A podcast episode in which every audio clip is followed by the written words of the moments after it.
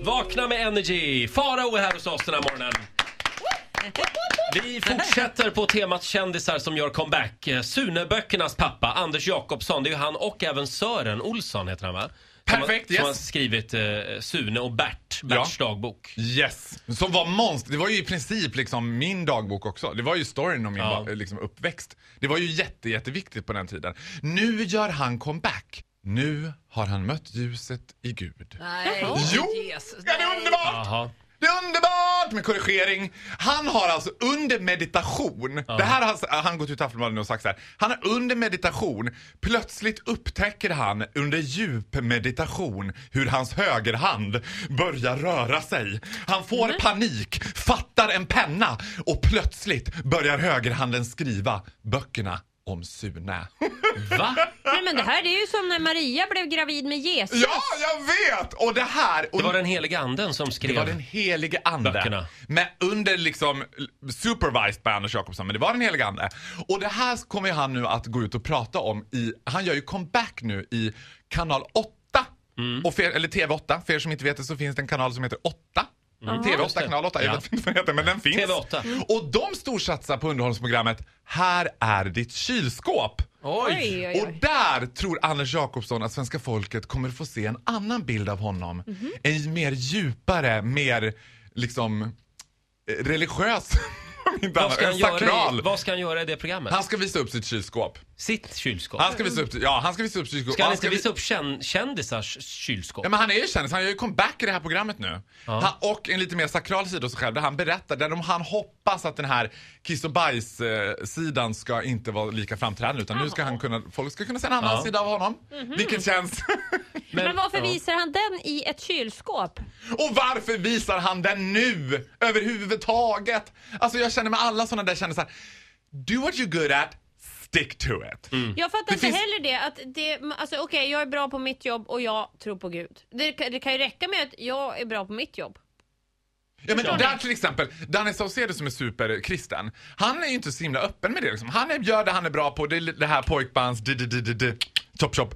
Det funkar ju skitbra, och han håller sig till det. Skulle han börja freebasea, det skulle inte bli bra. Eh, Ola Svensson, också från Idol. Han är ju den där Danny Måns-killen som aldrig blev Danny Måns, men som fortfarande trampar vatten och bara I'm hanging in there, I'm gonna be somebody one day, I'll show ya! och nu har han satsat på lite mer så här Robin-stil. Piercat sig, Ja. rakat av sig håret. Blivit lite svår. blivit lite svår. Han Oh. piercar sig. Ja, han, ja, men alltså... Ja du men vet- han vill inte vara en boyband-kille. Mm. Nej. Nej. men det vill ju alla att han ska vara. Men- jag men- vill det också. Skulle han tjäna på att eh, eh, hitta Gud?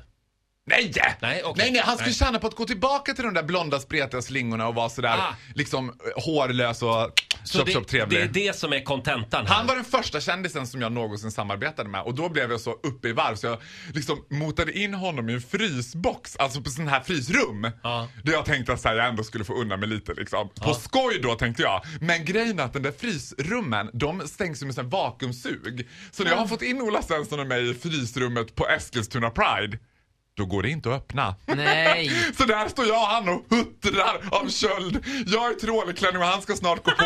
Och utanför står hans manager Ulrika och gallskriker. Rör inte Ola! Men det var han som rörde dig. Men, men- ja, jag vet, ja, den ska jag dra. Ah, han förgrep sig på mig. Nej, men vet ni vad han gjorde? Nej. Vet ni vad han gjorde när jag fick, det var mitt största kändismoment. Det var lite nästan kissa på mig nu, man blir så jävla lycklig. Då är det, f- det är liksom bara tonårstjejer i publiken. Det är på torget i Eskilstuna liksom. Han ska uppträda med den här monsterhitten han hade, Natalie. Do you feel like I feel Natalie? Du just vet. det, ja. Och han gör en liten twist på den varpå jag står längst fram. Och det ser ju väldigt roligt ut när jag står längst fram för då är alla tjejer ungefär 1,40 långa och jag är 2,05 i klackar och fullt direkt. Och han sjunger så här. Do you feel like I do? Farao, farao. Och jag bara jag bara I do, I do. Och du tänkte tillbaka på ert moment i frysrummet. Jag skulle vilja gå tillbaka till Suneböckernas pappa, Ja. Anders Jakobsson, för det var där vi började. Han skulle också försöka hitta tillbaka, släppa Gud. Nej! Han ska inte göra comeback! Han ska hålla sig... Det där han har gjort har varit magiskt! Ja, det... det- är som att Gud skulle skriva om Bibeln igen. Låt den vara, den har funkat jättebra. Jag Sune... förstår inte vad du vill komma till. Nej, Sune och Bert. Han måste ju kunna leva på det fortfarande. Det blir ju Sune-film efter Sune-film fortfarande med Morgan Ja. Mm. Alling. Han måste ju få royalty för det. Kan han inte bara nöja sig med det? Det är ingen som kommer göra honom fel eller tycka att han har gjort något dåligt. Så du tycker att det här tv-programmet på TV8, lägg ner det? Ja.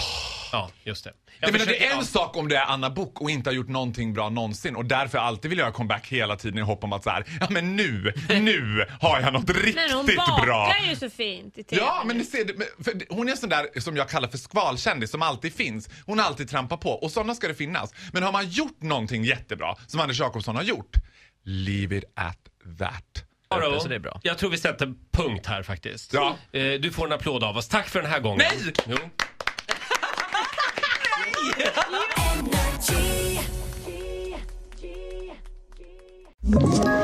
Ett poddtips från Podplay. I podden Något Kaiko garanterar östgötarna Brutti och jag, Davva, dig en stor dos skratt. Där följer jag pladask för köttätandet igen. Man är lite som en jävla vampyr. Man har fått lite blodsmak och då måste man ha mer. Udda spaningar, fängslande anekdoter och en och annan arg rant. Jag måste ha mitt kaffe på morgonen för annars är jag ingen trevlig människa. Då är du ingen trevlig människa, punkt. Något Kaiko, hör du på Podplay. Därför arkadeinerna.